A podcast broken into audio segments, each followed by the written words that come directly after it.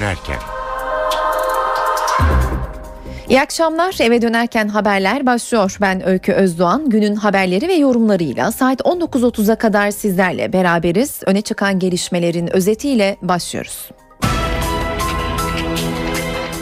Gezi Parkı için yapılan eylemlerde 7. güne girildi. Taksim sakin, Ankara'da ise sokaklar gergin. Cumhurbaşkanı Abdullah Gül mesaj alınmıştır dedi. Sağduyu mesajları verdi. Başbakan Erdoğan ise protestoları aşırı uçların organize ettiğini söyledi. CHP'nin de bu gruplarla işbirliği yaptığını ileri sürdü. CHP lideri Kemal Kılıçdaroğlu Cumhurbaşkanı Abdullah Gül'le görüşüyor. Köşkteki zirvede Gezi Parkı olaylarının ardından başlayan gerginlik masaya yatırılacak. Çözüm sürecinin başlamasından bu yana ilk kez silahlı çatışma Uludere'de karakola taciz ateşi açıldı. Bir uzman çavuş yaralandı. Silah yasası değişiyor. Tasarı yasalaşırsa silah taşıma yaşı da 18'den 25'e çıkacak. Hükümet Reyhanlı'daki bombalı saldırılarda zarar gören esnafa kredi desteği sağladı. Reyhanlı esnafına 100 bin liraya kadar acil destek kredisi verecek.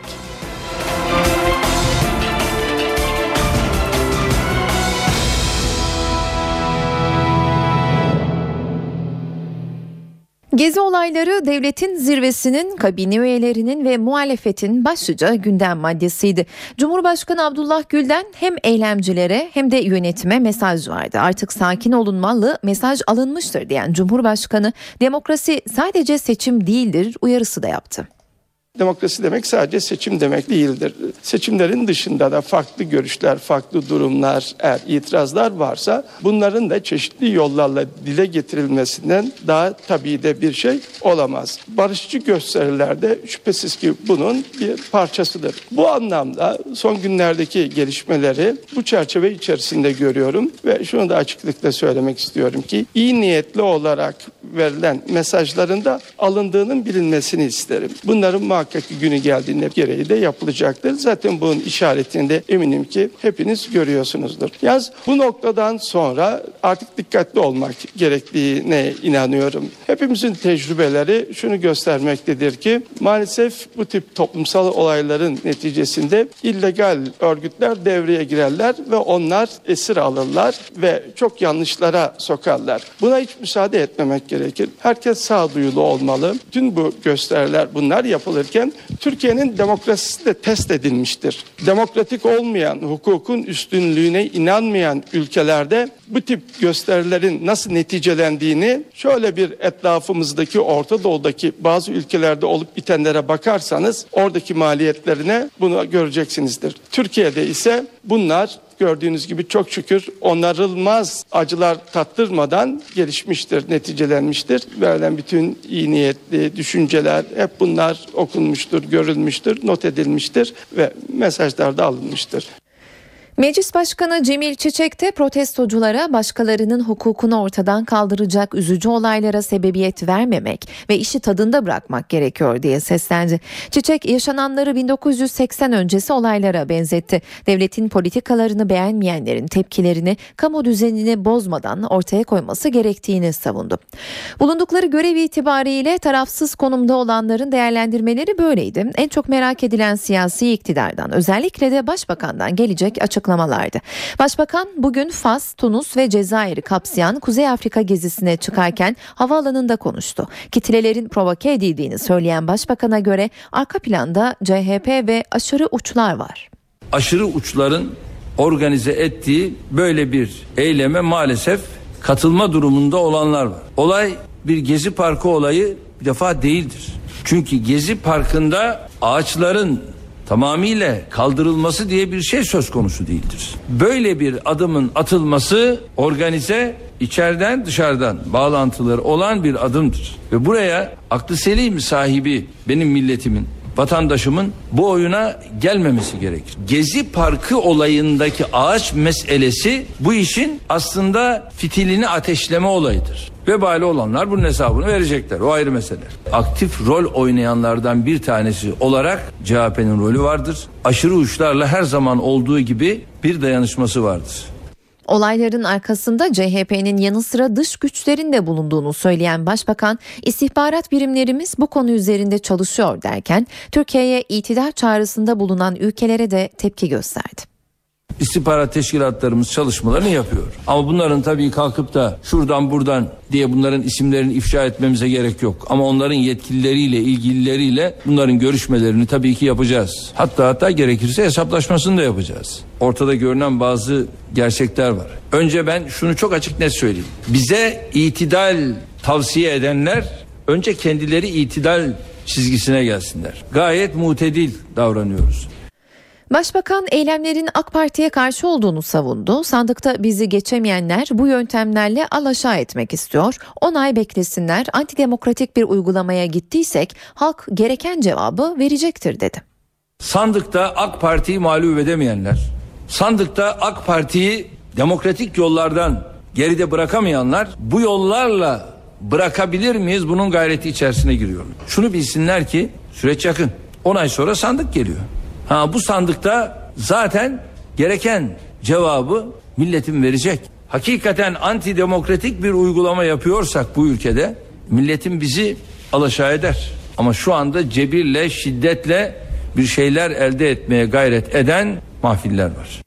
Gezi Parkı'nda başlayıp tüm Türkiye'ye yayılan protesto gösterilerine pencerelerinden tencereyle tava çalarak katılanlara da mesaj verdi Başbakan.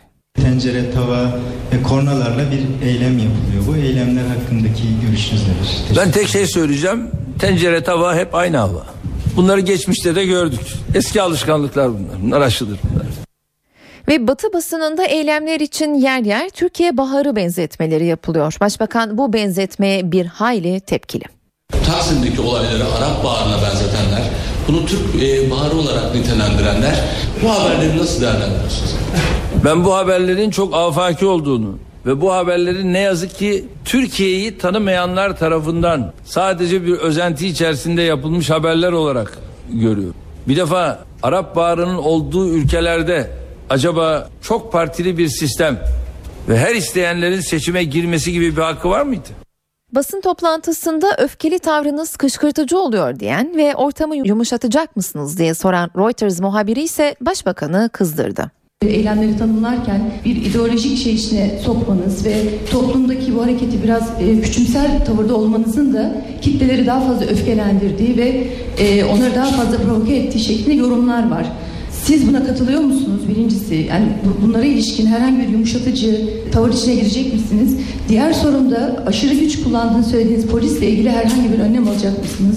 Nasıl önlemler Önce yumuşatıcı ifadeler ne olabilir? Bana onu bir öğretirseniz ben ona göre konuşurum. Şimdi bakın ben sizden bir şey söylüyorum. Şimdi bütün toplum diye toplumu suçlamayın. Şimdi bütün toplum demeyin. Şimdi bir defa bir kısım derseniz aklım yatar. Ama bütün toplum derseniz aklım buna yatmaz. Tamam mı? Hayır. Siz ne mesaj aldınız?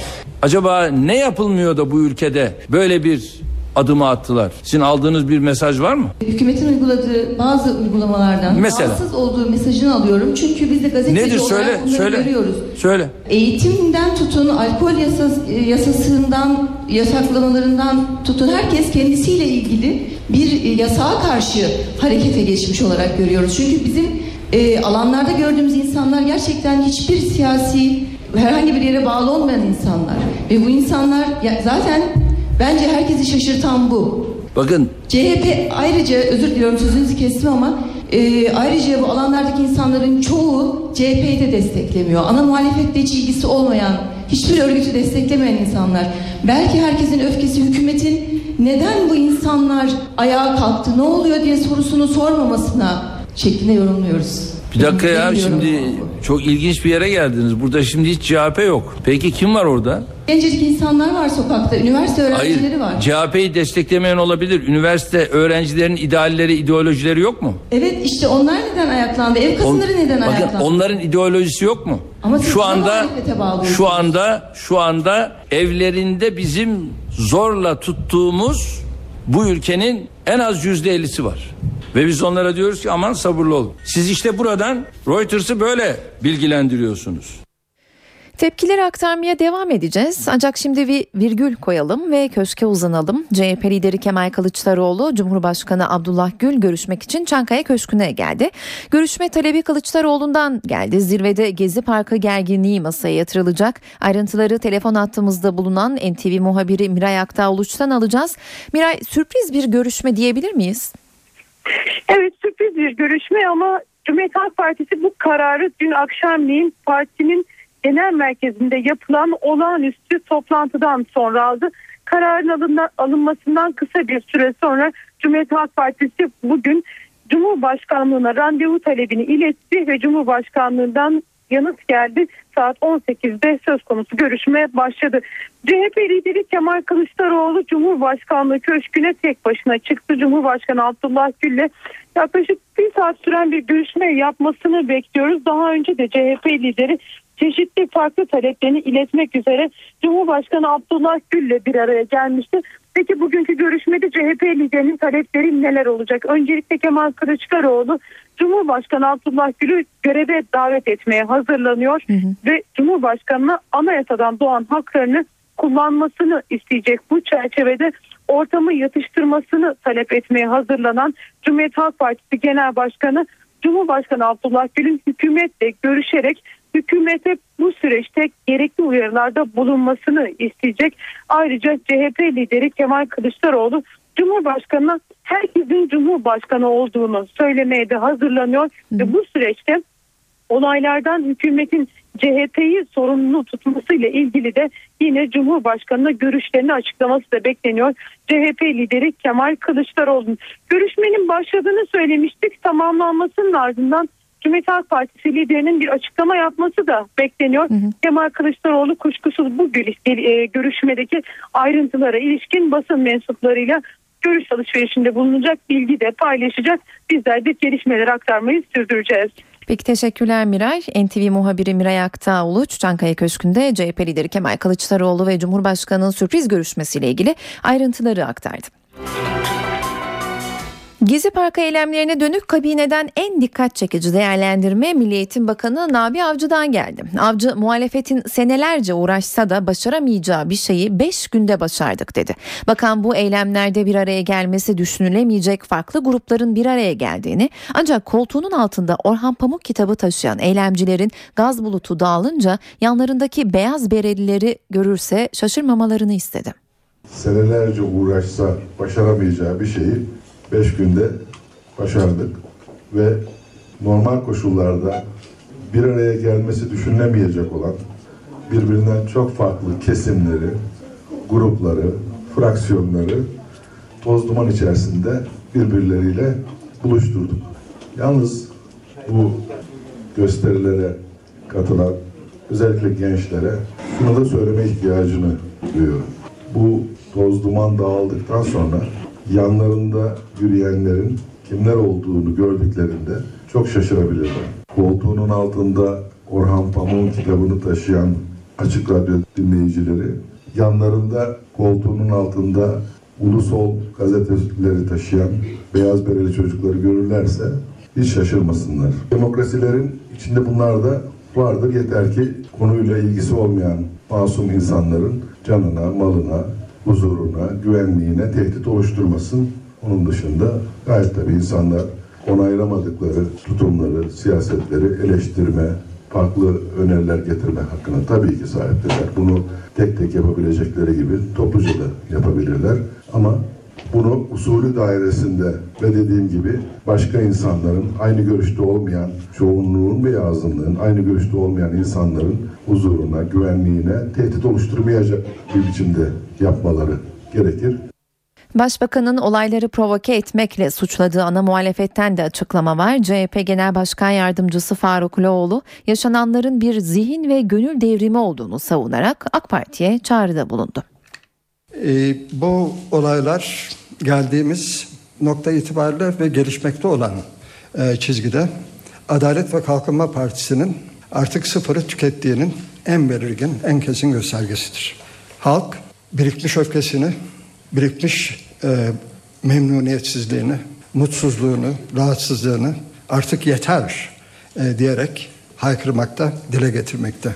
Ve dikkat ederseniz bunu yaparken polisin olmadığı bütün noktalarda bu e, gösteriler toplanma hürriyeti, toplanma özgürlüğü gayet düzgün bir şekilde barışçıl ortamda, sevecen bir ortamda cereyan etmekte. Fakat ne zaman polis müdahale ederse o zaman işler e, çığırından çıkmaktadır. Ama ne olursa olsun polis hareketi, polisin davranışlarının neticesinde oluşan bütün olumsuzluklara rağmen e, baktığımız olay demokratik bir halk hareketidir. Ve AKP hala bunu görememektedir. Bunu birkaç çapulcuya, ideolojiye, provokatörlere ve tabii haliyle başta Cumhuriyet Halk Partisi ana muhalefet partisine sorumluluğu yüklemeye çalışmaktadır. Fakat Türkiye için bu olaylar daha ne kadar sürecek bilmiyoruz. Bu olaylar Türkiye'de bir zihin, gönüllerin uyanışı, zihin ve gönüllerin devrimi anlamına gelmektedir. Taksim Gezi Parkı'nda başlayıp dalga dalga yayılan protesto gösterilerinde bir hafta geride kaldı. Topçu kışlası yapılmasın, ağaçlar kesilmesin sloganıyla başlayan eyleme polisin sert müdahalesini protesto için eylemler başta Ankara olmak üzere yurdun birçok noktasına yayıldı. Ve 7 gün geride kalırken şu an itibariyle en sıcak nokta Ankara. Yüzlerce kişi başkentin merkezi Kızılay'da toplandı ve güvenlik güçleri de biber gazı ve tazikli suyla müdahale ediyor. Ayrıntıları olay yerinde bulunan NTV muhabiri Özden Erkuş'tan alacağız. Sıhhiye yönünden yürümekte olan gruba gaz bombalarıyla akrep araçları gruba doğru yaklaştı ve gaz bombalarını gönderdi grubun ortasına. O grup şimdi biraz daha geriye çekildi ama elbette bu geriye çekilme grubun dağıldığı anlamına gelmiyor. Zira gün boyu buna benzer manzaralar yaşandı. Polis biber gazıyla gaz bombalarıyla grubu dağıttı. Grup ara sokaklardan yeniden bir başka cadde üzerinde bir araya geldi. Bu köşe kapmaca deyim yerinde ise öğle saatlerinden bu yana devam ediyor. Aralıksız şekilde Kızılay üzerinde bir polis helikopterinin de tur attığını söylemek gerekir. Hem yerdeki ekiplere bilgi veriyor zaman zaman o helikopterden de gaz bombası atıldığına şahit oluyoruz. Ee, Kimi zaman vatandaşların müdahaleye tepkisi olduğunu da bu noktada aktarmak gerekir. İlginç e, anlara da sahne oldu Kızılay Meydanı. Örneğin bir engelli vatandaş e, müdahaleyi gerçekleştiren polis araçlarından birinin önüne geçerek koltuk değneklerini o aracın üzerine bırakarak müdahale etmesini engellemeye çalıştı. Buna benzer manzaralar görülüyor. Vatandaşlar kimi zaman da alkışlarla polisi protesto ediyorlar. Hem Ziya Gökalp Caddesi üzerinde hem de Sıhhiye yönünde Kızılay Meydanı'ndan Sıhhiye yönünde eylemci eylemcilerin protestocuların eylemleri halen devam ediyor. Ziya Gökalp Caddesi üzerinde alevler içerisinde bir barikatı da görmek mümkün bu noktada. Tomalar zaman zaman o barikatları dağıtmaya çalışıyorlar. Elbette orada da taşlı saldırıya uğruyorlar. Tekrar etmek gerekirse Kızılay'da öğle saatlerinden bu yana e, birkaç yüz liseliyle başlayan lise öğrencisiyle başlayan eylem birkaç bin e, protestocunun katıldığı daha büyük bir protestoya dönüştü. Şu dakika itibariyle görebildiğim kadarıyla Kızılay'ın bir başka yönü Gazi Mustafa Kemal Bulvarı'ndan da yine e, gaz bombalarının dumanları yükseliyor. Kızılay üç bir yandan gaz bombalarının dumanlarının altında demek mümkün. Polis helikopteri de e, alttaki yani yerdeki ekiplere polis ekiplerine bilgi vermeye devam ediyor. Çevik kuvvet ekipleri dün de buna benzer şekilde saatler boyunca müdahalelerde bulunmuş. Akşam güneş battıktan sonra ise daha büyük bir müdahaleyle gruptan 500 kişiyi gözaltına almıştı. Ancak bu gözaltılar eylemlerin son bulmasına neden olmadı. Kısa bir not daha aktarmak gerekir bu noktada. Sadece Kızılay değil Ankara'nın başka noktalarında da eylemler gerçekleşiyor. Onlardan biri Eskişehir yolunda gerçekleşti. O türü bir grup öğrenci yaklaşık 600 öğrenci Kızılay Meydanı'na doğru yürüyüşe geçmek istedi. Ancak Söğütözü mevkiinde bu öğrenciler de yine gaz bombalarıyla polis tarafından engellendi. Orada da kısa süreli bir çatışma gerçekleşti. Ziya Gökalp Caddesi üzerinde Mithat Paşa Köprüsü'nün hemen altında biriken eylemciler e, polisle karşı karşıya kalmaya devam ediyorlar. Bu manzara Kızılay'a açılan 3 ayrı noktada da benzer şekilde devam ediyor. Şimdi Taksim'e Türkiye'nin gündemini değiştiren Gezi Parkı olaylarının başladığı noktaya gidiyoruz. NTV muhabiri Ilgaz Gürsoy bu sabahtan beri orada. Ilgaz an itibariyle Taksim'de Gezi Parkı'nda durum nedir?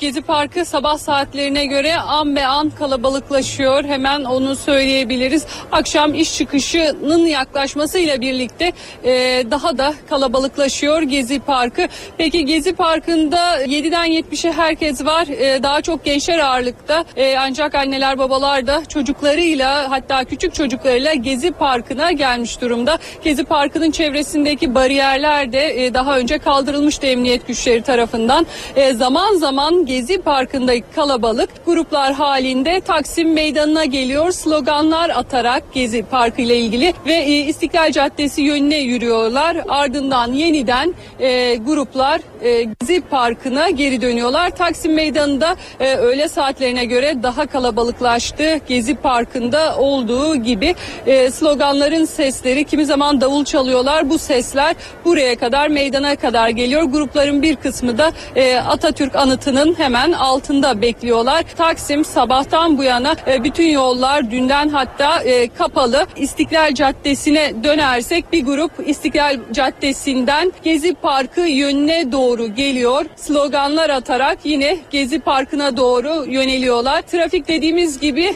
kapalı. E, bütün yönler Taksim'e çıkan, meydana çıkan e, sıra serviler, Kazancı Yokuşu, Mete Caddesi e, ve Gümüş Suyu'ndan, e, Tarla başından gelen bütün yollar Taksim'e kapalı. Ancak vatandaşlar e, Taksim'e metro ile ulaşabiliyorlar. Taksim Meydanı araç trafiğine kapalı ancak yayalar e, Taksim Meydanı'nda ve buraya gelen Gezi Parkı'na gelenlerin sayısı da saatler ilerledikçe an be an artmaya devam ediyor. Hafta sonu İzmir'de de tansiyon yüksekti. Bugün durum nispeten sakin. En hareketli nokta Ege Üniversitesi'ydi. Öğrenciler devam eden Taksim Gezi Parkı protestolarına destek için sınavların ertelenmesi istemiyle rektörlüğe yürüdü. Bahçe kapısını yüklenip açan yaklaşık 3500 öğrenci rektör Candeğer Yılmaz'ın gelmesini beklemeye başladı. Bu sırada vatandaşlar da öğrencilere alkışlarla ve klakson çalarak destek verdi. Rektörün gelmemesi üzerine öğrenciler slogan atarak üniversiteden ayrıldı.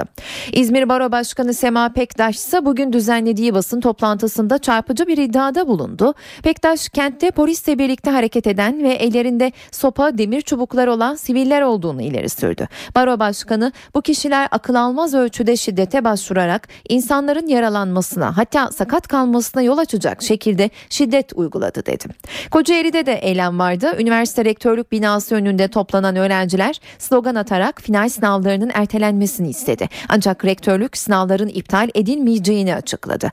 Muğla'da ise Gezi Parkı'na destek eylemi yapan protestocularla görüşmek isteyen jandarma komutanı yaralandı. Atılan gaz bombası gözünün üst kısmına isabet eden Yarbay Necati Metin ayakta tedavi edildi.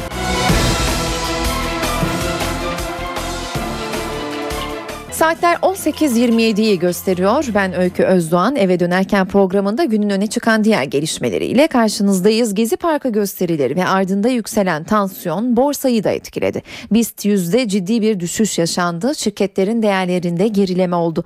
Dövizde ise yukarı yönlü hareketler gözlendi. Borsada gün içinde olup biteni CNBC'den Enis Şener'dem anlatıyor. Türkiye geneline yayılan protesto eylemleri haftanın ilk işlem gününde piyasaları da vurdu. Borsa İstanbul günü %10.47'lik kayıpla tamamladı. Bu oran Mart 2003'ten bu yana görülmüş en sert günlük düşüş oldu. BIST 100 endeksi günü 9000 puanlık kayıpla 77 bin seviyesinin altına inerek kapattı. Böylece endeks Şubat 2013'te gördüğü seviyelere gerilemiş oldu. Analistler siyasi risklerin artmasıyla zaten başlamış olan düzeltme sürecinin inmelendiğini belirtiyor. Protestoların etkisi para piyasalarında da etkisini hissettirdi. Dolar TL 1.90 seviyesini test ettikten sonra günü 1.89'dan tamamladı. Gösterge tahvilin faizi de %6.50'yi aştı. Genel kanı gerginliğin devam etmesi halinde satış baskısını sürebileceği yönünde. Dış piyasalarda ise gündemi ABD Merkez Bankası Fed belirliyor. Fed'in varlık alımlarını azaltabileceği beklentisi gelişen ülke piyasalarından fon çıkışına yol açarken Avrupa borsalarında yön arayışı var. Wall Street ise güne yükselişini sürdürerek başladı. Euro dolarda yatay band hareketi bugün de devam etti. Parite 1.2950-1.3050 bandına sıkışmış durumda. Borsadaki hareketlilik bugün başbakana soruldu. Erdoğan borsa iner çıkar her zaman istikrarlı bir çizgi takip etmez. Bu sürecin bütününe bakın. Türkiye güvenli bir livandır. Borsa ile ilgili değerlendirmeleri yaparken sadece BIST'e bakmayın dışarıya da bakın diye konuştu.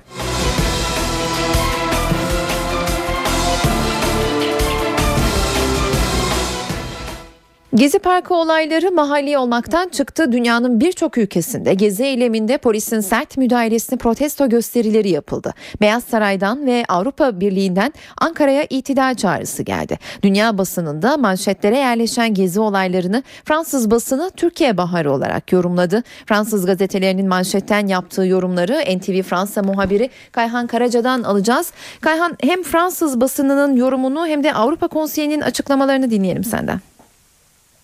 Türkiye'de yaşananlar tüm dünyada olduğu gibi Fransa'da da olağanüstü yankı uyandırmış durumda. Olaylar özellikle son iki gündür Fransız medyasının manşetlerinden bilmiyor. Ee, bu sabah da öyle oldu. Fransız e, merkez sağının etkin gazetesi Le Figaro olayları birinci sayfadan ve manşetten Türkler Erdoğan'ın otoriter sapmalarına karşı ayaklandı başlığıyla duyurdu okurlarına. Haberde kısaca Taksim Meydanı'ndan polisin çekilmesi emri bir tadında olduğundan Başbakan Recep Erdoğan'ın ağzının tadı bozulmuş olsa gerek. Cumartesi akşamı on binlerce Türk genci çoğu zaman ellerinde ulusal bira markası e, bir bir e, kutu ile Taksim Meydanı'na akın etti ifadelerine yer veriliyor. Türkiye'de yaşananlar merkez sol eğilimli Liberasyon gazetesinin de kapak, kapak ve manşetindeydi bugün.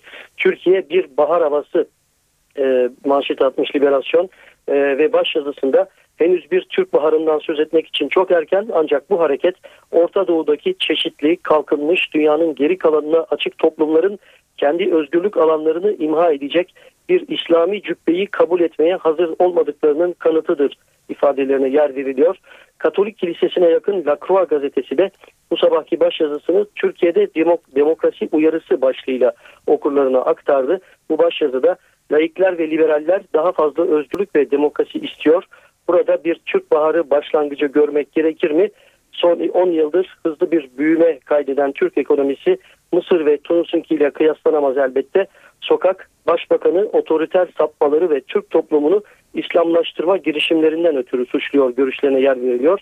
Hafta sonu Türk hükümetini sert üslupla e, ve başyazıyla eleştiren Le Monde gazetesi ise bugün de Türkiye'de iktidar ödün vermiyor başlığıyla konuya tam sayfa ayırdı. Haberde Başbakan Erdoğan pazar günü tek bir adım daha e, tek bir adım dahi geri atmadı ve protestoları ideolojik olarak niteledi e, ifadelerine yer verilmekte. Bu arada Avrupa kurumlarından da tepkiler gelmeye devam ediyor. Bugün Türkiye'nin de üyesi olduğu Avrupa Konseyi'nin genel sekreteri Torbjörn Jagland'dan kısa bir mesaj geldi. Torbjörn Jagland Türkiye'de olup bitenler konusundaki sessizliği nedeniyle son iki gündür burada eleştirilmekteydi. Strasbourg'da bugün yayınladığı mesajında Türk hükümetinin polisin protestoculara karşı aşırı güç kullandığını kabullendiğine dair açıklamasını not ettiğini dile getirdi. Aşırı güç kullanımı konusunda soruşturma açılmasını istedi. Türk hükümetinden protestoların nedenlerini araştırmasını ve bu nedenlere barışçıl ve demokratik çözümler üretmesini e, çağrısında bulundu. Öte yandan Türk basınının olaylarla ilgili haberciliği de Avrupa Konseyi kulislerinde oldukça yankı uyandırmış durumda. Hı hı. Avrupa Konseyi e, Genel Sekreteri bu konuda da medyayı, Evet. Türk medyasını olaylarla ilgili doğru ve tam habercilik yapmaya çağırdı. Evet. Peki teşekkürler Kayhan. NTV Fransa muhabiri Kayhan Karaca Gezi Park olayları ile ilgili Fransız basının yorumunu ve Avrupa Konseyi'nin açıklamasını aktardı. Fransız basını Türkiye Baharı dedi. İngiliz basını ise Taksim Meydanı'nı Tahrir Meydanı'na benzeten yorumların doğru olmadığının altını çizdi. Daily Telegraph gazetesi Türkiye'deki protestoların Mısır'da Hüsnü Mübarek'i deviren ayaklanmadan farklı olduğunu yazdı. Başbakan Erdoğan'ın 3 seçim kazandığına ve ekonomik büyüme sağladığına dikkat çekti. Ancak AK Parti'nin giderek artan bir şekilde Atatürk'ün 90 yıl önce kurduğu laik cumhuriyetle ayrıştığı belirtildi. Financial Times gazetesi ise protestoların kaynağının Başbakan Erdoğan'ın baskıcı eğilimleri olduğunu öne sürdü. Haberde Başbakan Erdoğan'ın göstericileri çapulcu, Twitter'ı baş belası, içki içenleri alkolik olarak nitelediğine dikkat çekildi. Guardian gazetesi ise Erdoğan'ın büyüyen öfke karşısında geri adım atmaya yanaşmadığını ve açıklamalarıyla protestocuları daha da kızdırdığı yorumunda bulundu. Gezi Parkı protestolarının bir durağı da NTV oldu. Medyanın olaylardaki tutumuna tepki gösteren bir grup sosyal medya üzerinden örgütlenerek NTV binası önünde toplandı. Cumhurbaşkanı Abdullah Gül'e seslenen grup polis şiddetinin son bulması için çağrı yaptı. NTV bu eylemi canlı olarak yayınladı. Türkiye'de yarın gezi eylemleriyle bağlantılı bir başka eylem daha var. KESK'e bağlı memurlar iş bırakma eylemini gezi olaylarına destek için öne çekti. KESK üyeleri devlet memurları yasasında değişikliği protesto için uyarı amacıyla yarın çalışmayacak. İnsanca yaşam, güvenceli iş ve güvenceli gelecek için iş bırakacağız diyen KESK sekreteri İsmail Hakkı Tombul, KESK'e bağlı öğretmenler, doktorlar, hemşireler ve büro çalışanlarından oluşan 250 bin memurun iş yerlerine siyah kıyafetle gidip siyah kurdele bırakacaklarını ardından da öğle saatlerinde greve başlayacaklarını bildirdi. NTV Radyo Çözüm sürecinin başlamasından bu yana ilk kez silahlı bir çatışma var. Genelkurmay Başkanlığından yapılan açıklamada bugün saat 12.05 ila 12.30 sıralarında Uludere'de bulunan Karaçalı üst bölgesine bir grup terörist tarafından taciz ateşi açıldığı, açılan ateş sonucu bir uzman çavuşun hafif şekilde yaralandığı bildirildi. Genelkurmay sıcak temasın hemen ardından Kobra tipi taarruz helikopterinin meşru müdafaa amacıyla havalandığını kaydetti. Kuzey Irak'taki bölgesel Kürt yönetimi başkanı Mesud Barzani, Türkiye'de çözüm sürecinde tarafların masaya oturmasında önemli rol oynadıklarını söyledi. Barzani, Türkiye ile ilişkileri geliştirmekte kararlı olduklarını da belirtti. Soruna barışçıl çözüm bulunması için her iki tarafında müzakere masasına oturmasında önemli rol oynadık. PKK'lılarla ilgili endişelerimiz yok. Tam tersine sorun çözüldükten sonra evlerine dönmelerini bekliyoruz. Kürt bölgesi onlar için alternatif bir yer haline dönüşmeyecek. Kuzey Irak'taki bölgesel Kürt yönetimi başkanı Mesut Barzani, Türkiye'deki çözüm sürecini bu sözlerle değerlendirdi. Barzani, Türkiye ile ilişkileri geliştirmekte kararlı olduklarını belirtti. Geçmişte Kürt bölgesiyle ilgili yanlış bir izlenim vardı ama Türk tarafı yakınlaşma ve ilişki kurmanın her iki tarafın ve genel olarak bölgenin yararına olacağı sonucuna vardı. Şimdi her iki tarafta bu ilişkinin ilerletilmesinde kararlı. Mesut Barzani, merkezi yönetimle Kürt bölgesi arasında yürütülen görüşmeleri ise son şans olarak niteledi. Silah kanununda değişiklik yapılıyor tasarıda sona gelindi. Meclis İçişleri Komisyonu'nun taslağına göre biber gazı ilk kez silah olarak tanımlandı. Ancak kullanımına dönük herhangi bir sınırlama getirilmedi. Tasarı yasalaşırsa silah taşıma yaşı da 18'den 25'e çıkacak. Silah taşıma ruhsatı almak için yaş sınırı 25'e yükseliyor. Yaptırımlar açısından 5. silah kategorisine alınan biber gazı içinse herhangi bir sınırlama yok. Meclis İçişleri Komisyonu silah kanun tasarısı taslağını tamamlamak üzere. Komisyon toplumsal olaylarda kullanımı tartışılan biber gazının tanımını yaparak ilk kez yasaya soktu. Biber gazı doğal biber bitkisinin işlenmesiyle elde edilen canlılar üzerinde geçici olarak sersemletici, şuursuz veya savunmasız hale getirici, göz yaşartıcı ve tahriş edici etki yapan madde şeklinde tanımlandı. Ancak kullanımına yönelik herhangi bir sınırlama getirilmedi. Sokaktaki vatandaşın korunma maksatlı biber gazı alabilmesi için yaş sınırı ise 18 olarak belirlendi. Alt komisyon silah taşıma yaşını ise bir kez daha yükselterek 25 olarak belirledi. Av tüfeği taşıma yaşı ise 18'de kaldı. Taslağa göre özel kişilere ait şirket, alışveriş merkezi ve iş yerlerine silahla girilemeyecek. Tasarıda polisin tank almasının önünü açacak Milli Savunma Bakanlığı, MİT, TSK, Emniyet ve Jandarma görevlerini yerine getirmek amacıyla her türlü silah, mühimmat, teçhizat, araç ve malzemeyi ithal eder ifadelerine de yer verildi. NTV Radyo Reyhanlı'daki bombalı saldırılardan en çok zarar gören kesim hiç kuşku yok ilçe esnafıydı. Hükümet esnafın vergi borcunu öteledikten sonra şimdi de esnafa kredi desteği sağladı. Sanayi Bakanı Nihat Ergün Reyhanlı'da 11 Mayıs'ta meydana gelen patlamalarda 800'e yakın işletmenin zarar gördüğünü bildirdi. Bu işletmelere KOSGEB'in 100 bin lira üst limitli acil destek vereceğini açıkladı. Bakan Ergün kredinin vadesinin 36 ay olduğunu ilk yıl ödeme yapılmayacağını taksit taksitlerin ise üçer aylık dilimler halinde ödeneceğini belirtti. Reyhanlı'da zarar gören esnaf 100 bin liralık kredi kullanırsa 3 yıl için en fazla 18 bin lira faiz ödeyecek.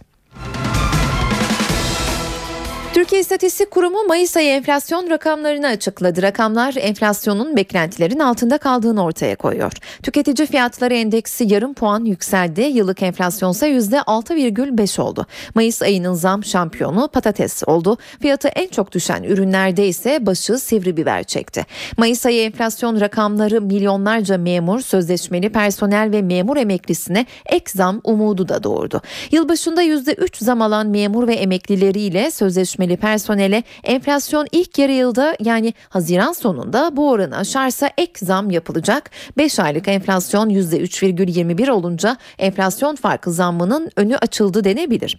Az önce de söylediğimiz üzere zam oranı Haziran ayı enflasyonuna göre belli olacak. Seviye belirleme sınavı seneye sil baştan değişiyor. Yeni sistemin ya da sınavın ayrıntıları henüz tam olarak belli değil ancak bazı ayrıntılar netleşti. Milli Eğitim Bakanı Nabi Avcı önümüzdeki yıl SBS tek bir sınavdan ibaret olmayacak dedi. Bakan gelecek yıl SBS'de okul notlarının da değerlendirmeye alınacağını söyledi. Şimdi bu sene tamam CBS'ye giriliyor. Seneye böyle bu kadar tek sınavlı olmayacak. Test ağırlıklı olmayacak. Daha doğrusu dershane ağırlıklı olmayacak. Sene içerisinde girdiğiniz derslerden aldığınız notlar da değerlendirmeye katılacak. Demek ki gelecek seneden itibaren öğrencilerimiz dershanede aldıkları becerilerle değil, bizzat okullarında, sınıflarında derslerinde gördükleri konulardan sınava girecekler. Ne hangi sınava girecekler? Normal olarak siz sene içerisinde matematikten, Türkçeden, tarihten yazılı oluyorsunuz ya. O yazılı olanları, yazılı da aldığınız notlar değerlendirmeye inşallah katılacak. Bazı sınıflarda notlar şişirilir mi diye ona fırsat vermeyecek bir düzenleme yapacağız. Bahar bu yıl Avrupa'ya uğramadı. Nisan ve Mayıs aylarının soğuk geçtiği Avrupa'da şimdi de sel alarmı verildi. Sağanak yağış nedeniyle Almanya, Avusturya ve Çek Cumhuriyeti'nde binlerce kişi evlerini terk etti. 6 kişi hayatını kaybetti. Almanya'da 7 bin kişi suyun yükselmesi nedeniyle tahliye edildi. Çek Cumhuriyeti'nde ise başkent Prag'da tarihi mekanların su altında kalmasından korkuluyor. Metro çalışmıyor, okullar tatil edildi. 5 kişi yaşamını yitirdi. 6 bölgede olan olağanüstü hal ilan edildi. Yaklaşık 3 bin kişi evini terk etti. Avusturya'da da bir kişi öldü, iki de kayıp var. Avrupa sellerle boğuşuyor. Türkiye'de ise güneş yüzünü gösteriyor. Yurt genelinde bizleri yarın nasıl bir havanın beklediğini öğreneceğiz şimdi. Bunun için de her zaman olduğu gibi NTV Meteoroloji Editörü Gökhan Abur'u dinleyeceğiz. Marmara'nın tamamı ve Karadeniz'e etkisi altına alan serin havanın kuzey ve iç kesimlerdeki etkisini hafta boyu sürdürmesini bekliyoruz. Yarın Karadeniz'de yağış hafiflerken Trakya'da gün içinde kuvvetlenecek. Marmara'nın güney ve iç Anadolu'da yerel yağış geçişleri görülecek. Ayrıca akşam saatlerinde Mersin Kayseri arasında kısa süreli yağışlar görülecek. Çarşamba günü Trakya, Trabzon, Rize, Mersin, Kahramanmaraş, Kayseri, Sivas boyunca daha kuvvetli olmak üzere kuzey ve iç kesimlerde yağış aralıklarla etkisini sürdürecek. Marmara ve iç kesimlerdeki yağışların yer yer kuvvetli olmak üzere Perşembe gününe devam etmesini bekliyoruz. Evet İstanbul'da yarın hava parçalı bulutlu. Kısa süreli yağış görülebilir akşam saatlerinde. Sıcaklık gündüz 26, gece ise 18 derece olacak. Ankara parçalı bulutlu. Sıcaklık gündüz 24, gece ise 11 derece olacak. Çarşamba günü ise hafif yağmur bekliyoruz. İzmir güneşli ve sıcak bölgede sıcaklık 30 dereceye kadar çıkacak. Gece ise 16 dereceye inecek. NTV Radyo Uzak Doğu ülkesi Çin'de yangın faciası yaşandı. Büyük bir tavuk çiftliğinde çıkan yangında 112 kişi hayatını kaybetti. Çin'de bir tavuk çiftliğinde yangın faciası yaşandı. Ülkenin kuzeydoğusundaki Dehui kentinde bulunan tavuk çiftliğinde yangın sabaha karşı başladı. Yangın başladığında çiftlikte 300'den fazla çalışan bulunuyordu. Yangında onlarca çalışan yaşamını yitirirken 100 kadar çalışan kaçarak kurtulmayı başardı. Arama ve kurtarma ekipleri yangının ardından çiftlikte mahsur kalanlara ulaşmaya çalışıyor. Ancak çiftliğin dar koridorlarıyla çıkışları bunu güçleştiriyor. Mahsur kalanların sayısı belirlenebilmiş değil. Yangının elektrik sisteminde meydana gelen patlamadan sonra veya vardiya değişimi sırasında soyunma odasında başlamış olabileceği öne sürülüyor. Çin'de benzer olaylarla iş yerlerindeki güvenlik standartlarının yetersizliği sık sık tartışma konusu oluyor. Asya'da nükleer güç yükseliyor. Stockholm Uluslararası Barış Araştırmaları Enstitüsü'nün yaptığı araştırmaya göre Çin, Pakistan ve Hindistan nükleer güçlerini artırdı. Dünyanın en fazla nükleer füzeye sahip ülkeleri Amerika Birleşik Devletleri ve Rusya'da ise bu konuda düşüş var. Asya'da nükleer güç yükseliyor. Stockholm Uluslararası Barış Araştırmaları Enstitüsü SIPRI'nin araştırmasına göre Çin, Hindistan ve Pakistan nükleer güçlerini arttırdı. Çin, Pakistan ve Hindistan geçen yıla oranla nükleer başlıklı füze sayısını 10'ar adet arttırdı. Çin'in 250, Pakistan'ın 100 ila 120, Hindistan'ın da yaklaşık 100 nükleer başlıklı füzesi olduğu düşünülüyor. Fransa 300, İngiltere 225, İsrail'de 80 nükleer başlıklı füzeye sahip. Dünyanın en fazla nükleer füzeye sahip ülkeleri Amerika Birleşik Devletleri ve Rusya'da ise bu konuda düşüş var. Anlaşmalar çerçevesinde Rusya 10 bin olan nükleer füze başlık sayısını 8500'e, Amerika Birleşik Devletleri ise 8000'den 7700'e düşürdü. 8 ülkenin elinde toplam 17 bin nükleer başlık olduğu belirtilen raporda Amerika, Rusya, Fransa, İngiltere ve Çin'in ellerindeki nükleer cephaneyi modernleştirme eğiliminde olduğu vurgulanıyor. Çek Cumhuriyeti'nde bir ilk gerçekleşti. Ülkede ilk kez beşizler normal doğumla dünyaya geldi. Bebeklerin sağlık durumu iyi. Dördü kız, biri erkek bebekler yeni doğan ünitesinde bakıma alındı. Doktorlar bu tip bir doğumun 48 milyonda bir ihtimalde başarılı olabileceğini açıkladı. Bir anda 5 çocuğa sahip olan baba ise hem mutlu hem de heyecanlı. Yoğun ilgi gören beşizlerin kısa süre içinde taburcu edilmeleri bekleniyor.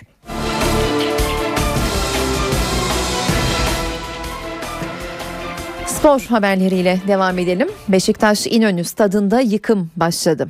Ersun Yanal ve Mustafa Denizli ile görüşen Fenerbahçe rotayı yabancı hocalara çevirdi. Yönetimin hedefinde Lucescu var. Galatasaray'da transfer çalışmaları kongre nedeniyle ağırdan alınıyor. Felipe Melo'ya önceki yıllardan daha düşük bir teklif sunmaya hazırlanan yöneticiler Nani için de seçim sonrasında harekete geçecek. Şimdi bu başlıkları ayrıntılandıralım. Sporun heyecanı NTV Radyo'da.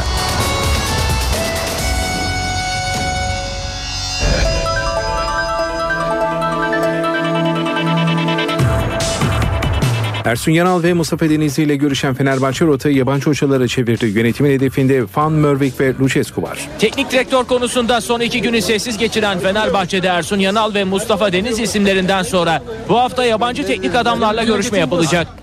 Ersun Yanal'ın Başkan Aziz Yıldırım'ın bir numaralı ismi oldu. Yönetimden bazı isimlerin ise özellikle medya üzerindeki etkisini ve tecrübesini öne sürerek Mustafa CHP lideri Kemal Kılıçdaroğlu Cumhurbaşkanı Abdullah Gül'le yaptığı görüşmenin ardından bir açıklama yapıyor dinliyoruz. Eğer daha farklı ayrıntılar e, gündeme gelirse belki onları Sayın Cumhurbaşkanı aktarır. Efendim Cumhurbaşkanı'ndan aldığınız cevap neydi? Nasıl bir yaklaşım vardı? Anlatırsanız. Ben düşüncelerimi aktardım. Ee, Sayın Cumhurbaşkanı da e, düşüncelerini aktardı. Ee, iki kez e, kamuoyuna e, çağrı yaptığını, e, bugünkü açıklamasının e, demokrasinin önemini vurgulamak açısından e, önemli olduğunu ifade etti. Doğrudur, çok önemliydi e, bugünkü açıklamaları. E, bu çerçevede güzel bir görüşme oldu. Sayın Kılıçdaroğlu kendisinden Bakanlar Kurulu'na olağanüstü toplamasını istediniz mi acaba? Ee, Sayın Cumhurbaşkanı'nın yetkileri olduğunu söyledim. Efendim, Efendim, e, polisin uyguladığı son dönemde kontrolsüz güç olduğu yönünde iddialar var. Ee, sizin partinizden de yükseliyor bu ses. Bu konuda il emniyet müdürleri ve valilerin uyarılması konusunda bir talebiniz oldu mu? Ee, bu konuda e, bir iddia yok arkadaşlar.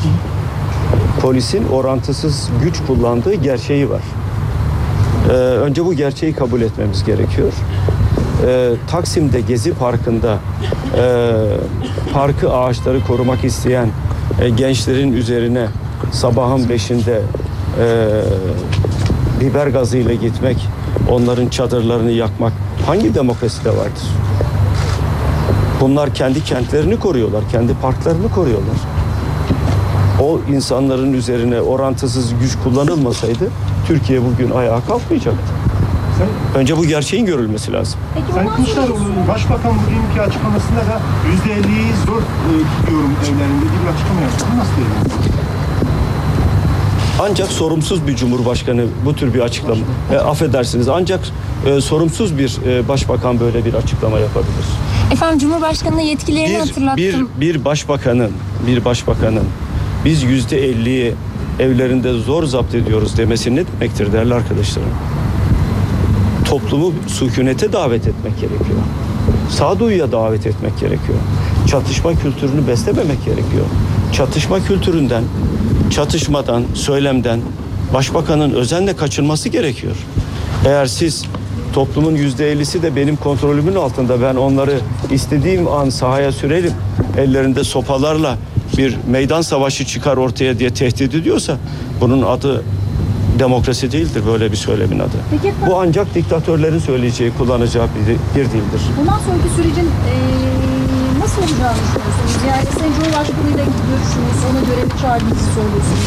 Eee, size göre nasıl eee, devam edecek? Ve şu anda da olaylar devam ediyor efendim Kızılay'da özellikle. Başbakanın çıkıp halktan özür dilemesi gerekiyor. Bunu istiyoruz. Bunu talep ediyoruz. Özür dilediği andan itibaren umuyorum olaylar tümüyle e, bitmiş olur. E, biz kamu malına zarar veren bir eylemi asla tasvip etmiyoruz. Şiddete dönüşmemeli hiçbir eylem. Aksi halde demokratik olmaktan çıkar. Kişilerin talepleri olabilir, düşüncelerini özgürce dile getirebilirler. Ama şiddet olması, kamu malına zarar verilmesi bizim kabul edeceğimiz bir uygulama değildir. Ve doğru da bulmayız. Teşekkür ederim. CHP Genel Başkanı Kemal Kılıçdaroğlu Çankaya Köşkü'nde Cumhurbaşkanı Abdullah Gül'le yaptığı görüşmenin ardından kısa bir basın açıklaması yaptı. Bir bölümünü canlı olarak aktardı. Kısa bir aranın ardından yeniden karşınızda olacağız. Saatler 19'u gösteriyor. Ben Öykü Özdoğan. Eve dönerkenin bu bölümünde girişi Çankaya Köşkü'nde gerçekleşen sürpriz görüşmeyle yapıyoruz. CHP lideri Kemal Kılıçdaroğlu saat 18'de köşke çıktı ve yaklaşık bir buçuk saat Cumhurbaşkanı Abdullah Gül'le görüştü. Çıkışta kısa bir açıklama yapan Kılıçdaroğlu, Cumhurbaşkanına görev ve yetkilerini hatırlattığını söyledi. Sayın Cumhurbaşkanı'na büyük görevler düştüğünü ve bu görevleri e, yerine getirmesini istedim. Böyle bir görüşme oldu aramızda değerli arkadaşlarım. Eğer daha farklı ayrıntılar gündeme gelirse belki onları Sayın Cumhurbaşkanı aktarır. Efendim Cumhurbaşkanı'ndan aldığınız cevap neydi? Nasıl bir yaklaşım vardı? Anlatırsanız. Ben düşüncelerimi aktardım. Ee, Sayın Cumhurbaşkanı da e, düşüncelerini aktardı. İki kez e, kamuoyuna e, çağrı yaptığını, e, bugünkü açıklamasının e, demokrasinin önemini vurgulamak açısından önemli olduğunu ifade etti. Doğrudur, çok önemliydi bugünkü açıklamaları. E, bu çerçevede güzel bir görüşme oldu. Sayın Kılıçdaroğlu kendisinden Bakanlar Kurulu'na olağanüstü toplamasını istediniz mi acaba? E, Sayın Cumhurbaşkanı'nın yetkileri olduğunu söyledim. Efendim, Efendim, e, polisin uyguladığı son dönemde kontrolsüz güç olduğu yönünde iddialar var. Ee, sizin partinizden de yükseliyor bu ses.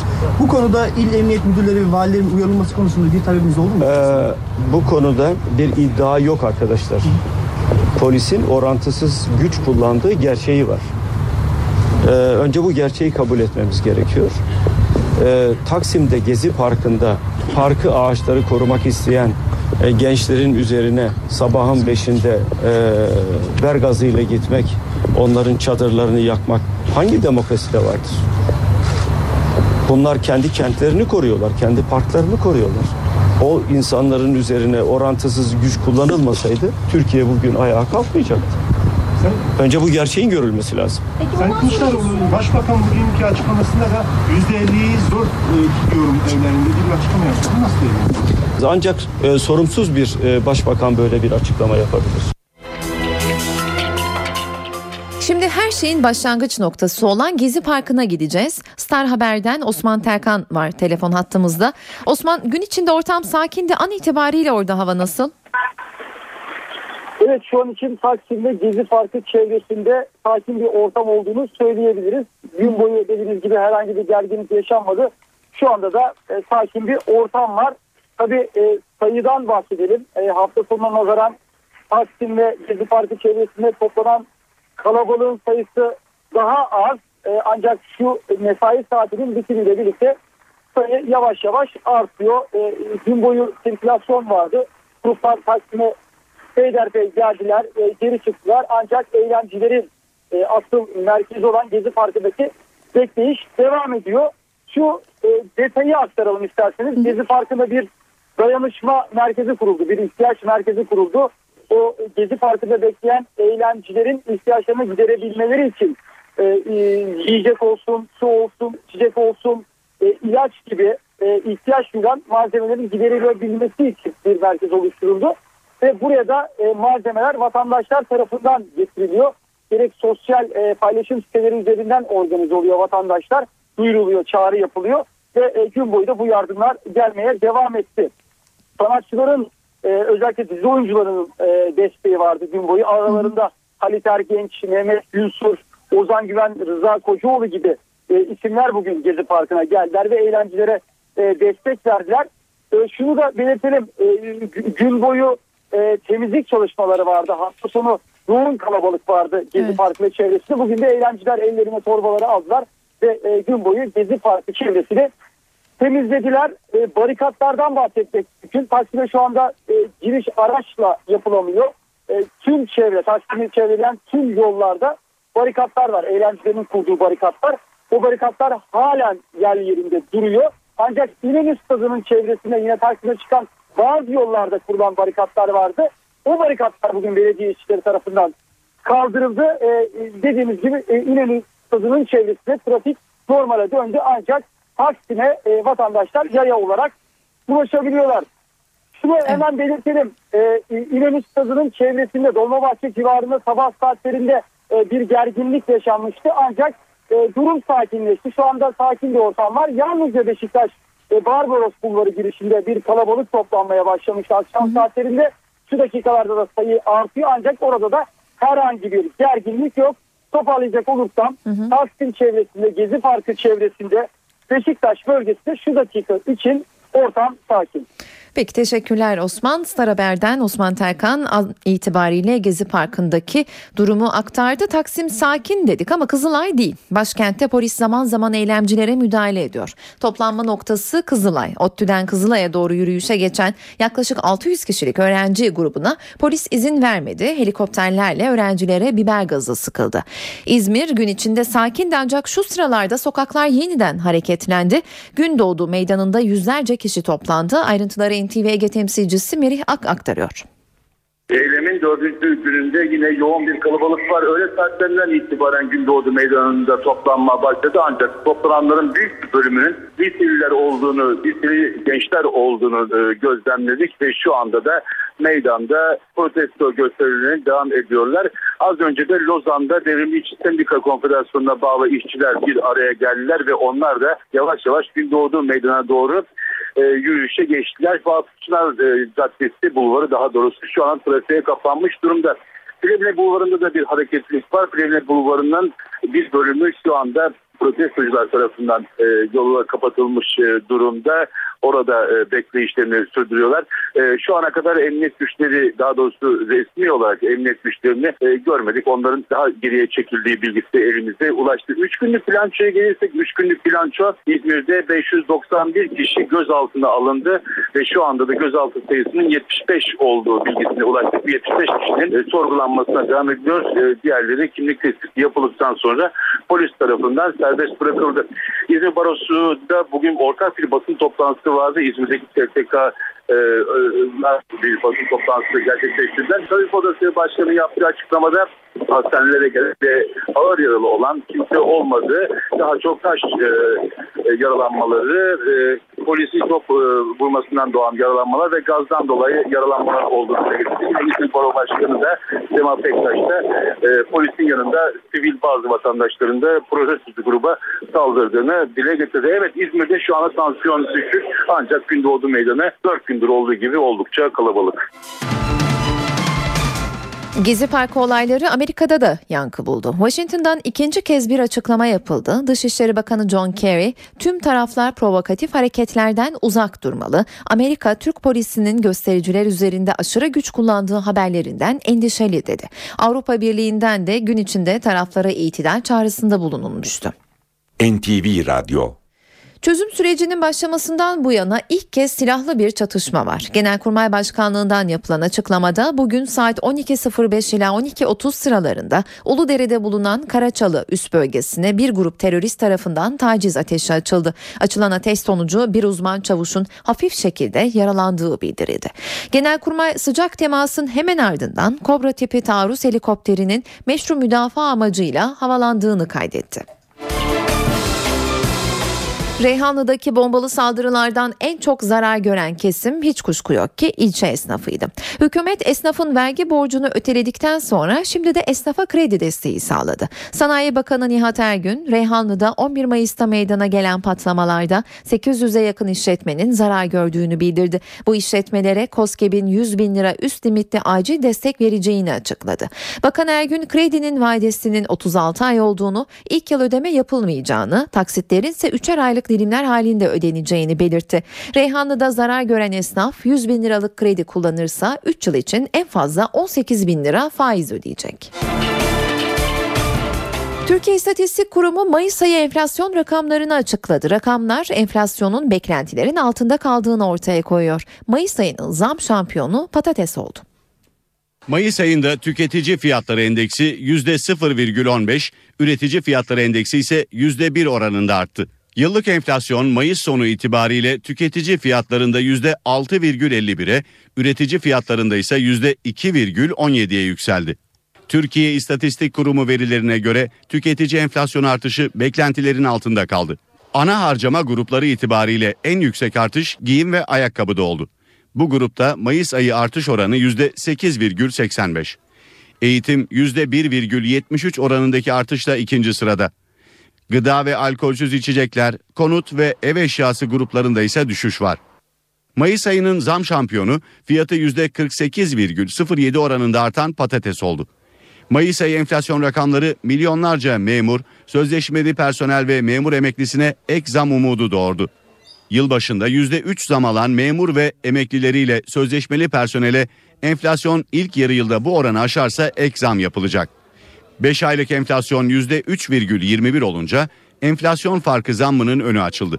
Zam oranı Haziran ayı enflasyonuna göre belli olacak. Eve dönerken programında günün öne çıkan diğer gelişmeleriyle karşınızdayız. Seviye belirleme sınavı seneye sil baştan değişiyor. Yeni sistemin ya da sınavın ayrıntıları henüz tam olarak belli değil ancak bazı ayrıntılar netleşti. Milli Eğitim Bakanı Nabi Avcı önümüzdeki yıl SBS tek bir sınavdan ibaret olmayacak dedi. Bakan gelecek yıl SBS'de okul notlarının da değerlendirmeye alınacağını söyledi. Şimdi bu sene tamam CBS'ye giriliyor. Seneye böyle bu kadar tek sınavlı olmayacak. Test ağırlıklı olmayacak. Daha doğrusu dershane ağırlıklı olmayacak. Sene içerisinde girdiğiniz derslerden aldığınız notlar da değerlendirmeye katılacak. Demek ki gelecek seneden itibaren öğrencilerimiz dershanede aldıkları becerilerle değil, bizzat okullarında, sınıflarında derslerinde gördükleri konulardan sınava girecekler. Ne hangi sınava girecekler? Normal olarak siz sene içerisinde matematikten, Türkçeden, tarihten yazılı oluyorsunuz ya. O yazılı olanları, yazılı da aldığınız notlar değerlendirmeye inşallah katılacak. Bazı sınıflarda notlar şişirilir mi diye ona fırsat vermeyecek bir düzenleme yapacağız. Silah kanununda değişiklik yapılıyor. Tasarıda sona gelindi. Meclis İçişleri Komisyonu'nun taslağına göre biber gazı ilk kez silah olarak tanımlandı ancak kullanımına dönük herhangi bir sınırlama getirilmedi. Tasarı yasalaşırsa silah taşıma yaşı da 18'den 25'e çıkacak. Silah taşıma ruhsatı almak için yaş sınırı 25'e yükseliyor. Yaptırımlar açısından 5.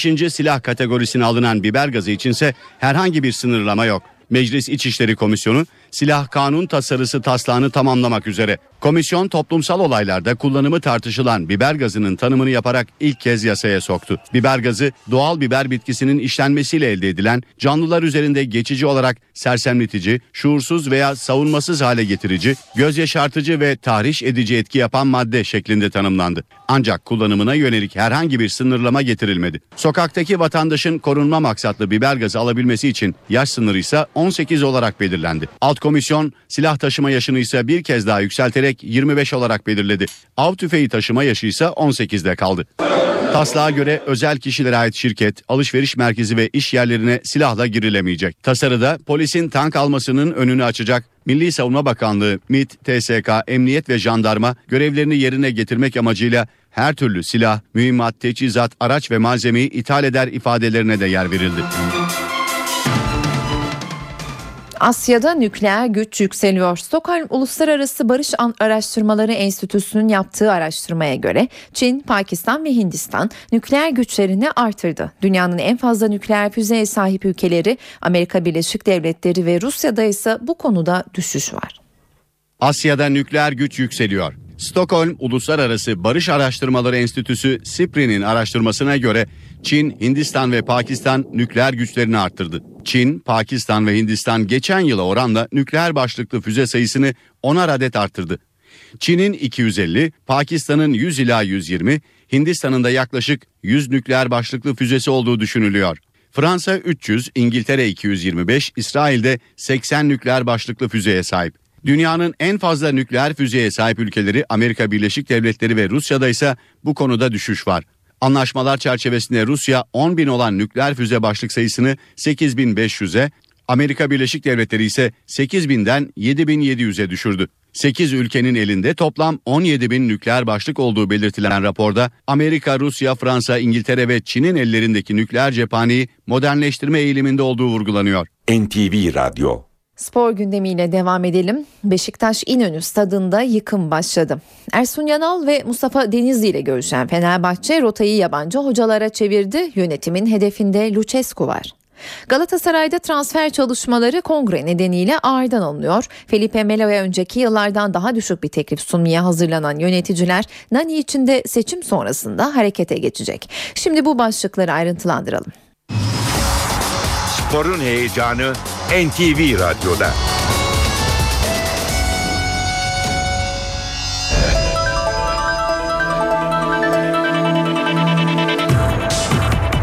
Ersun Yanal ve Mustafa Denizli ile görüşen Fenerbahçe rotayı yabancı hocalara çevirdi. Yönetimin hedefinde Van Merwijk ve Lucescu var. Teknik direktör konusunda son iki günü sessiz geçiren Fenerbahçe'de Ersun Yanal ve Mustafa Deniz isimlerinden sonra bu hafta yabancı teknik adamlarla görüşme yapılacak. Ersun Yanal'ın Başkan Aziz Yıldırım'ın bir numaralı ismi oldu. Yönetimden bazı isimlerin ise özellikle medya üzerindeki etkisini ve tecrübesini öne sürerek Mustafa Denizli ismi üzerinde durdukları öğrenildi. Yabancı teknik adam konusundaysa Bert van Marwijk ve Mircea Lucescu isimleri ön plana çıkarken Başkan Yıldırım'ın yabancı teknik adam görüşmelerinde rotayı hafta başı itibariyle çizmesi bekleniyor. Diğer yandan milli takımlarda altyapı çalışmalarının başında olan Ersun Yanal'ın şimdiden bazı yerli genç oyuncularla görüşme yaptı. Ve Fenerbahçe teknik direktör olduğu takdirde yurt içinden ve yurt dışından bazı genç oyuncuları kadroya katmayı düşündüğü gelen bilgiler arasında. Mustafa Denizli'nin ise yardımcı hocaları konusunda bir çalışma yaptı. Ancak Beşiktaş Başkanı Serdal Adalı ile de görüşeceği belirtiliyor. Bir yandan teknik direktör adaylarıyla görüşen Fenerbahçe yönetimi diğer yandan da transfer çalışmalarını sürdürüyor. Sarı lacivertlerin gündemindeki isim Zenit'in Portekizli savunma oyuncusu Bruno Alves. 2010'da 22 milyon euro gibi rekor bir ücretle Porto'dan Zenit'e transfer olan Bruno Alves Avrupa'nın en pahalı savunma oyuncularından biri. Hasan Çetinkaya'nın Rusya seferinde Moskova'ya da geçerek prensipte anlaştığı Emanuel Eminiki'nin takımı Spartak Moskova ile de bir araya gelmesi bekleniyor. Galatasaray'da transfer çalışmaları kongre nedeniyle ağırdan alınıyor. Felipe Melo'ya önceki yıllardan daha düşük bir teklif sunmaya hazırlanan yöneticiler Nani için de seçim sonrasında harekete geçecek. Transfer döneminde ne yapacağı en fazla merak edilen takımlardan Galatasaray'da gözler bir yandan seçime çevrilmişken bir yandan da takviye çalışmaları devam ediyor. Alper Potuk'un Fenerbahçe'yi tercih etmesiyle kadroda tutulması yeniden gündeme gelen Felipe Melo'nun menajeri İstanbul'a gelecek. Bülent Tulu'nun görüşeceği Jose Rodriguez Bastere, Brezilyalı yıldız için geçtiğimiz sezonlara oranla daha ekonomik bir kontrat sunulacak. Sarı Kırmızılıların seçim gününü beklediği transferse Manchester United'ın Portekizli yıldızı Nani. Menajerler vasıtasıyla oyuncuyla temasa geçen Galatasaray yönetimi yıldız futbolcuya önerdiği kadar yüksek bir teklifin şu ana kadar çıkmaması sebebiyle bu transfer operasyonunu ağırdan alıyor. Trabzonspor'da yapılanma çalışmaları sürüyor. Sportif direktörlük için daha önce Fatih Tekke ile görüşen Bordo Mavili yönetim pürüz çıkması üzerine Ünal Karaman'la anlaştı. Karaman'ın hafta içi Trabzon'a gelmesi ve imza atması bekleniyor.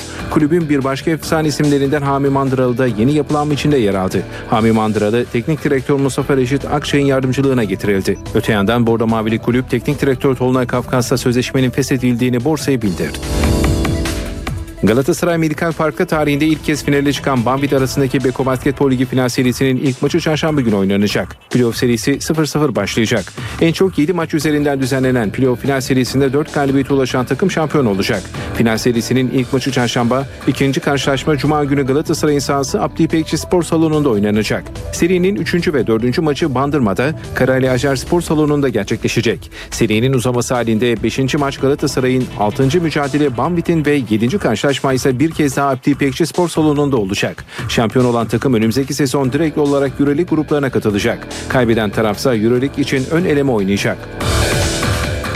Türkiye Futbol Federasyonu olan genel kurul toplantısının tarihi belli oldu. TFF olan genel kurulda ilgili ayrıntıları resmi internet sitesi aracılığıyla paylaştı. Yapılan açıklamada genel kurulun 18 Haziran Salı günü Ankara'da yapılmasına karar verildiği bildirildi.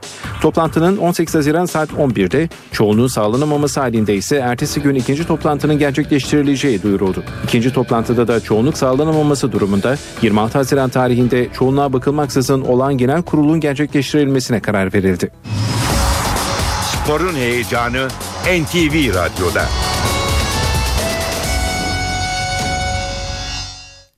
Sırada kültür sanat dünyasından derlediğimiz haberler var. Zift İstanbul Hayal Kahvesi'nde konser veriyor bugün. İlk albümü Yanlış Şeylerden de şarkılar seslendirecek grup saat 22.30'da başlıyor konserine. 8. Uluslararası İstanbul Şiir Festivali de devam ediyor. Tarih ve Toplum Bilimleri Enstitüsü Derneği'nce düzenlenen ve bugüne kadar 67 ülkeden 181 yabancı ve 300'ün üzerinde yerli şairi ağırlayan festivale bu yıl 17'si yerli, 12'si yabancı 39 şair katılıyor. Çeşitli mekanlarda düzenlenen Uluslararası İstanbul Şiir Festivali yarın sona erecek. İzmir'den de bir önerimiz var. Fazıl Say müzikseverler için Bostanlı Suat Taşer Açık Hava Tiyatrosu'nda olacak bu akşam. Fazıl Say saat 21.30'da başlıyor performansına. Bu akşam evdeyseniz CNBC'de What's New Pussycat adlı film var. Kariyerine 8 Oscar adaylığı sığdıran Peter O'Toole ve Peter Sellers'ın başrollerini üstlendiği filmde O'Toole istediği her kadını anında elde etmeyi başaran fakat amacına ulaştıktan sonra hevesini yitiren Michael James'i canlandırıyor. Woody Allen'ın sinema çıkışını yaptığı filmin başlama saati 23. Öncesinde ise saat 21'de Person of Interest, 22'de de Game of Thrones ekrana gelecek. Star TV'de de saat 20'de Survivor ekranda olacak. Böylece eve dönerken programının sonuna geldik. Ben Öykü Özdoğan. Herkese iyi akşamlar.